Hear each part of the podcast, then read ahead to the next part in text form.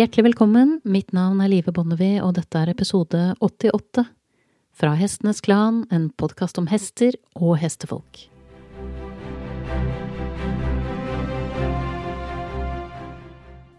Da jeg etter mange runder i tenkeboksen bestemte meg for å sette sko på min uskodde hest, så trodde jeg den største utfordringen ville bli å finne en god hovslager, men der tok jeg feil.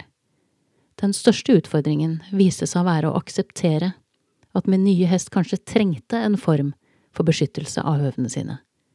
En form for beskyttelse som jeg på mange måter hadde avskrevet for nesten et tiår siden. Og det var først flere år etter at jeg fikk skodd ham for første gang, jeg innså hvorfor dette ble en så stor utfordring, både intellektuelt og følelsesmessig.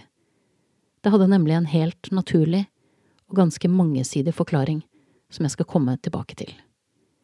Og dersom du fulgte oppfordringen om å fotografere hesten din på stallgangen i episode 85, og filme hesten din i skritt i episode 87, så er dette den episoden der du vil få bruk for det. Som nevnt var symptomet til min nye uskodde hest helt konkret. Jeg kunne tydelig merke at han hadde en reservasjon hver gang jeg satte meg opp og red. En reservasjon jeg var usikker på opphavet til, og tok på det største alvor, siden han bare var delvis innridd. Det kjentes nesten riktig ut, men ikke helt. Det var som om noe holdt hesten litt igjen, og det lignet en erfaring jeg hadde med min første hest, når han var ørlite grann sårbeint på alle fire beina, og dermed ikke 100% komfortabel med høvene sine. Så jeg bestemte meg for å gjøre en øvelse, en øvelse enhver husblind hesteeier bør gjøre med jevne mellomrom, for å sikre at du ser hesten din klart det er nemlig ikke et spørsmål om hvorvidt du er husblind eller ikke.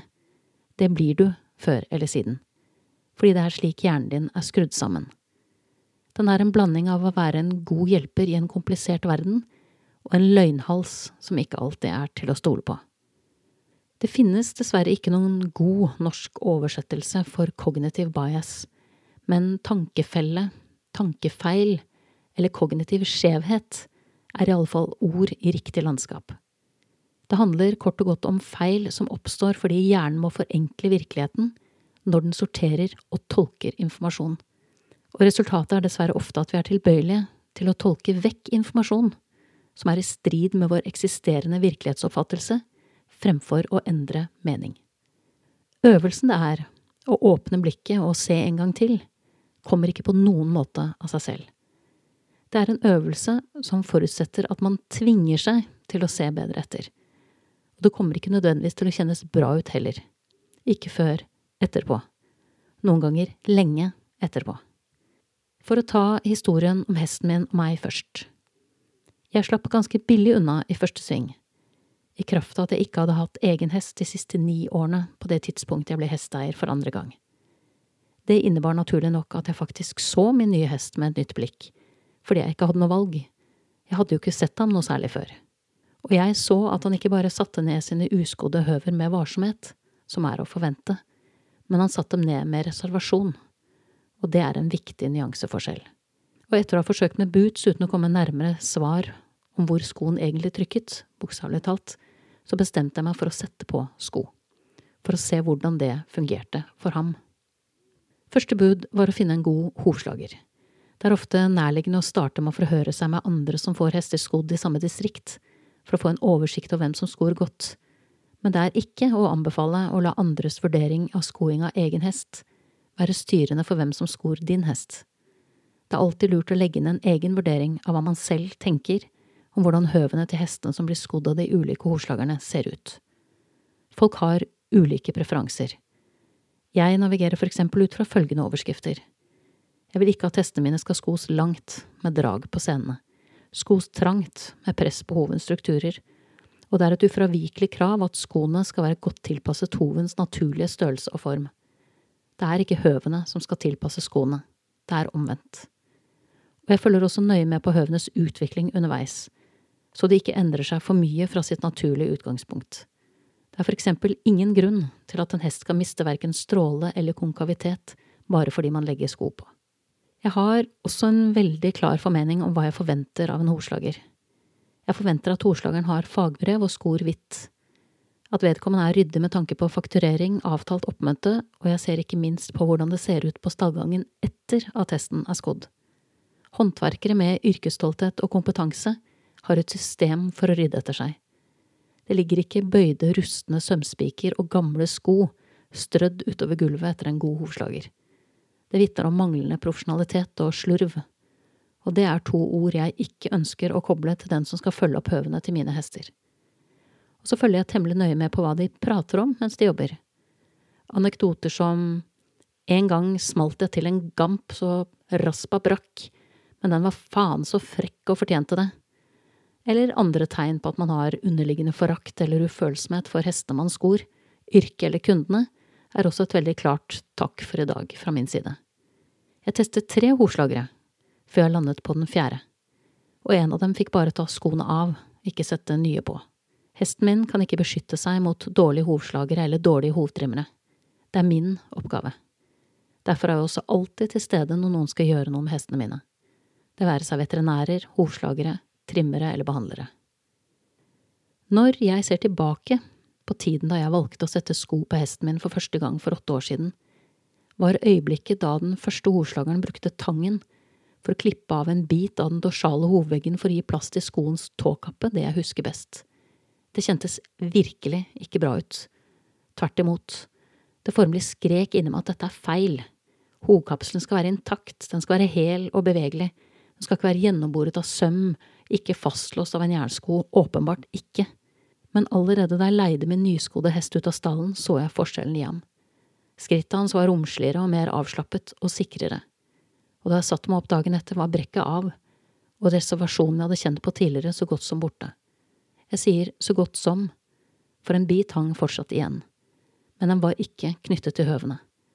Den var knyttet til en helt annen historie som kanskje også er verdt en episode en dag så hestens svar var et klart og utvetydig ja fra første steg.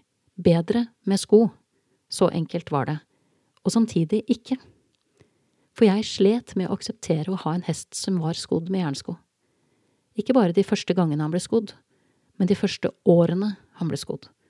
Og det overrasket meg, for i alle andre lignende situasjoner så har jeg bare akseptert hestens svar tvert og gått videre uten å se meg tilbake som når en sal til nesten 60 000 ikke fungerte optimalt likevel, eller annet kostbar utstyr som lovet hesten et bedre liv, ikke fungerte som forventet. Jeg valgte bare noe annet som fungerte bedre, gikk videre og så meg aldri tilbake. Men når det gjaldt skoingen, så så jeg meg tilbake hele tiden. Og det var først mange år senere jeg skjønte hvorfor, da jeg tok en masterclass med en astrofysiker ved navn Neil deGrasse Tyson. Sett fra rytterens perspektiv så handler uskodd og skodd ofte om mer enn hvorvidt hesten har noe festet under hoven eller ikke. Det handler om ting som kan være vanskelig å måle, som verdisyn, identitet og et uttalt ønske om å gi hesten et så naturlig liv som mulig. Fra hestens perspektiv handler dette primært om fysikk, biomekanikk og nedarvede egenskaper, størrelser som er langt enklere å måle, og ikke minst størrelser som kan angripes vitenskapelig. Og første bud i vitenskapelig metode er å gjøre alt man kan for å unngå å lure seg selv til å tro at noe usant er sant, og noe som er sant, er usant. Veien fram mot et svar som er sant, er aldri snorrett, ei heller er den fri for omveier. Det må prøves og feiles. Men siden det vi prøver å feile med når det gjelder oppfølging av høvene, kommer i inngrep med hestens velferd, så må vi være ekstremt varsomme så vi unngår å holde blikket så stivt festet fremover mot målet at vi ikke ser ned på hesten under oss og evner å vurdere hvordan den har det underveis. Det er også viktig å bevare et sunt nivå av skepsis mot den eller de som skal ta vare på høvene til hesten din. Hva slags utdannelse har de? Tar de etterutdannelse og holder de seg faglig oppdatert? Er de en del av et større fagmiljø, eller nøyer de seg med å sitte i et ekkokammer? Tåler måten de håndterer hesten din på og resultatet av trimmingen eller skoingen dagens lys? Selv om det fins mange gode lærebøker om hvordan man skor og trimmer høver, så er det ikke i møte med lærebøkene du finner svarene. Det er i møte med naturen selv. I møte med ikke bare teorien om hoven, men i møte med den individuelle hoven. Vi kan peke på bøkene og argumentere oss blå i ansiktet, men hvis naturen ikke er enig, er det alltid vi som tar feil. Og naturen må få rom til å svare. Med en barefottest er det forholdsvis enkelt. Hvis det ikke fungerer, er svaret sårbeinthet og nedsatt bevegelse. Men en skodd hest er svaret ofte mer subtilt. Derfor påhviler det oss også et større ansvar for å følge med på både kvaliteten på hovslagerens arbeid og de små tegnene på at ting ikke er som de skal. Det er også veldig relevant hva som driver den som skal følge opp høvene til hesten din. Hva som er deres vei inn i faget. Det vil ofte starte bra med de beste intensjoner, men det er fryktelig lett å tråkke feil. Den menneskelige hjerne er dessverre også konstruert på en slik måte at hver og en av oss føler oss spesielle fra naturens side. Jeg skal være rask til å understreke at vi alle er unike, men vi er sjelden spesielle, selv om hjernen vår insisterer på det. Derfor er det å være den ene utvalgte et flittig brukt narrativ i min bransje, filmbransjen. Fordi det tapper inn i en grunnfortelling alle mennesker deler. En grunnfortelling som kan skape utfordringer for oss hvis vi blir så høye og mørke at vi mister bakkekontakten. Noe Aksel Vibe sa noe klokt om da jeg intervjuet ham i forrige episode. Og vi kom inn på faren med at den som skal følge opp hovhelsen til akkurat din hest, føler seg nettopp utvalgt eller spesiell og hevet over alle andre når intensjonen din er å gjøre det beste, og du kanskje etter kort burde vurdere om akkurat den metoden er den beste, så kan det være vanskelig å gå tilbake på. Det fins òg ei gruppe her med mennesker som bruker dette her som en plattform for å si, det å bety noen ting, det å være noen ting, altså en, en posisjon i et miljø. Og La meg si bitte litt om det, for dette vet jeg noen om på personlig erfaring. Fordi nå har jeg jobba som foredragsholder i, uh, i 25 år. Uh, jeg har holdt foredrag og kurs og demonstrasjoner i, uh, i, i veldig mange land internasjonalt. Jeg har, jeg skriver artikler, det blir skrevet artikler om meg i, i, norske og internasjonale medier. Og det er klart det at dette her det er en, en del av det, er jo en egotripp. Det er jo at jeg får lov til å stå foran. Det er jo noen av oss som liker dette her. Det skal være helt ærlig på. Og som, som får noen ting igjen for det. Eh, eller av det å gjøre den biten der sånn. Det er jo en intensjon om å gjøre noe bra jeg gjør det for, men eh, noe av det er jo at du, du, du får en oppmerksomhet mot det. Og det er noen av oss som kanskje trenger litt ekstra noe anerkjennelse, eller ego-boost, eller hva man skal kalle det. Og det da å for meg sjøl å liksom gå bort ifra det å ha den posisjonen i mitt miljø, og miste den posisjonen i mitt miljø, eller ut ifra hestemiljøet, det er klart at det, det, det, er vanskelig. Kjempevanskelig. Og det å oppnå den posisjonen er en sånn personlig tilfredsstillelse. Så jeg kan godt se for meg det at det er enkelte i, i et sånn alternativt miljø som søker det samme, og som ser muligheten til å få den der der. Og det har jeg respekt for. at Det, er, det er kraftige personlige greier, det òg. Så hvis du da gir den der kombinasjonen der sånn, at du, du eh, må forsvare et standpunkt som du har for enhver pris, og at du må forsvare en posisjon i et miljø, og det da går runde med seg sjøl og være sjølkritisk og, og ydmyk, er en veldig hard øvelse, ja. Men jeg oppfordrer alle og folk i mitt eget, uh, si fra mitt eget hovslagerfag òg. Det samme at du ta, gå gjennom hva, hva er motivasjonene dine her. sånn. Vi har alle våre personlige sannheter, og når disse kommer i konflikt med hva som er objektivt sant, det vil si sant uansett hvem som betrakter det, så hender det at det oppstår et interessant fenomen, der man aktivt oppsøker likesinnede og går fra å være spesiell alene til å være en del av en gruppe mennesker, en gruppe som typisk påberoper seg å vite noe andre ikke vet, eller påstår at de har sett lyset der andre famler i mørket. En gruppe preget av en oss og dem-tankegang, som i verste fall leder til en forvrenging av virkeligheten på sikt. Man skal alltid være veldig oppmerksom. Hvis man velger et verdensbilde som støttes ubetinget innad i en gruppe, men møter stor motstand utenfor. Fordi det fort blir selvforsterkende og neste steg er gjerne at man ser ned på, eller føler seg hevet over andre grupper. At alle ridehester har det best uten sko, er et eksempel på en personlig sannhet, ikke en objektiv sannhet, og den må behandles deretter. Her byr hjernen vår dessverre på nok en utfordring, og det er at dersom en personlig sannhet gjentas nok ganger, så oppleves den gjerne som objektivt sann, selv om den ikke er det. For også her har hjernen en egenskap som fort kan bli et handikap. Den er primet for å bygge sine konklusjoner på gjentagelse. Og hører den en påstand ofte nok, tar den påstanden for å være en sannhet. Et grep som er utnyttet til det fulle av mennesker sultne på makt opp gjennom historien. Så vær nøye med hvilken metode og hvilke samarbeidspartnere du velger for å følge opp hovedstellet til hesten din. Det er alltid hesten som sitter på fasiten. Og hva slags hovedstell hesten din trenger, er ikke en konstant størrelse, ei heller er den objektivt sann. Når blir noe objektivt sant? Det krever blant annet at eksperimenter repeteres mange nok ganger, med samme eller svært likt resultat. Ta den viltlevende hestens hoved som et eksempel. Det er en objektiv sannhet at alle hester fødes uten sko, men det er ikke en objektiv sannhet at alle hester som lever vilt, har sunne og gode høver.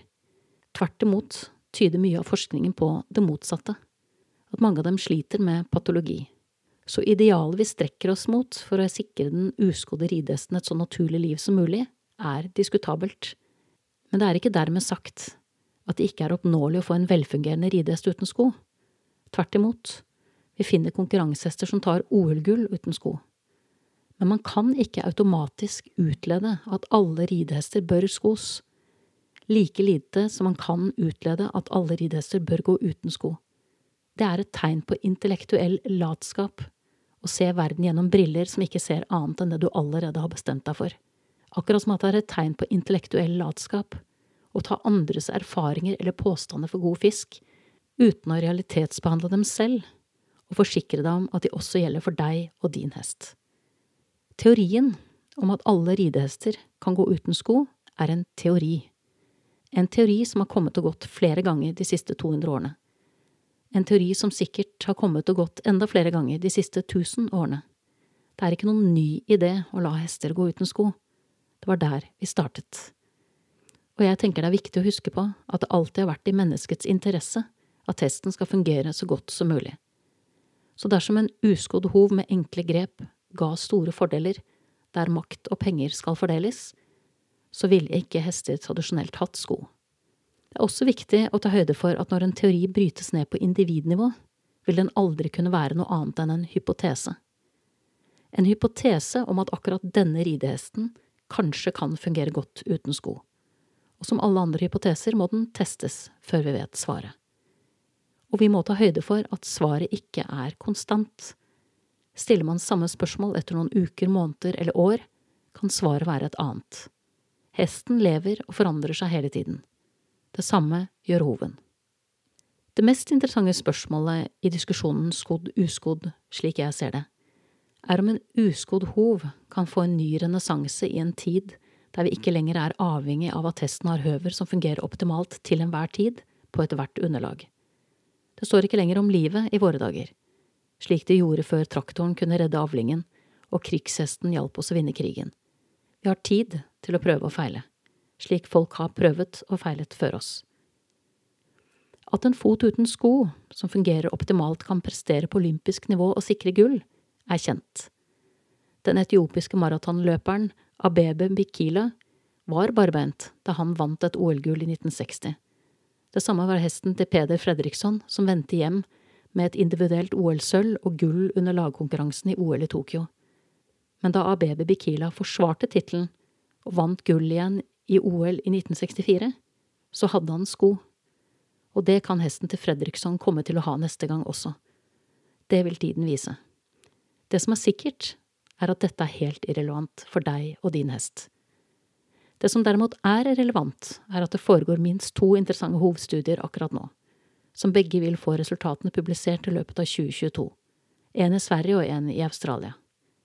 Og håpet er selvfølgelig at vi gjennom vitenskapelige studier med årene vil avdekke stadig ny viten om hestens hov.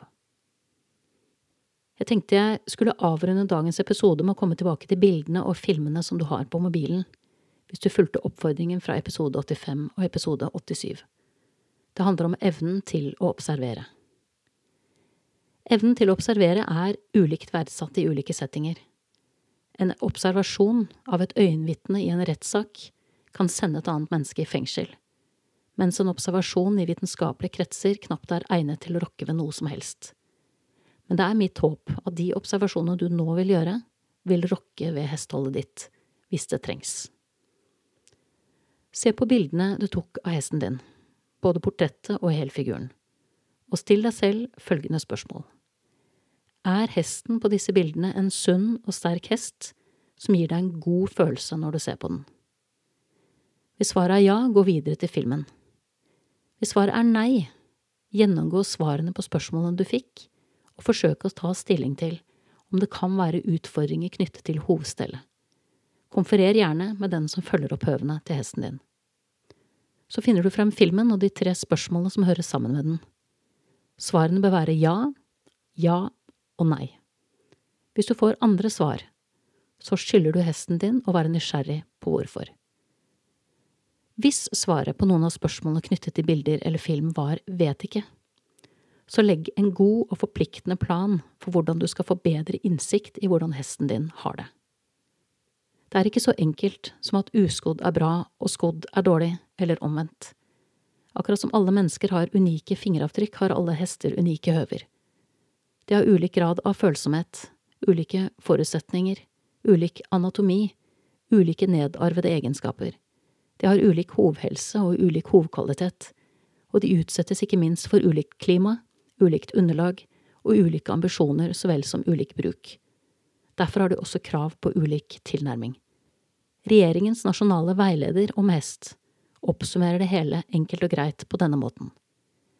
Det er viktig å ikke ha en bestemt mening om hvordan ting absolutt må være når en holder hest. Hensyn til hestens velferd må komme først. Du har nettopp hørt episode 88 fra Hestenes Klan, en podkast om hester og hestefolk. Takk til min faste komponist Fredrik Blom, og sist, men ikke minst takk til deg, kjære lytter, for tålmodigheten. Måtte hesten for alltid være med deg.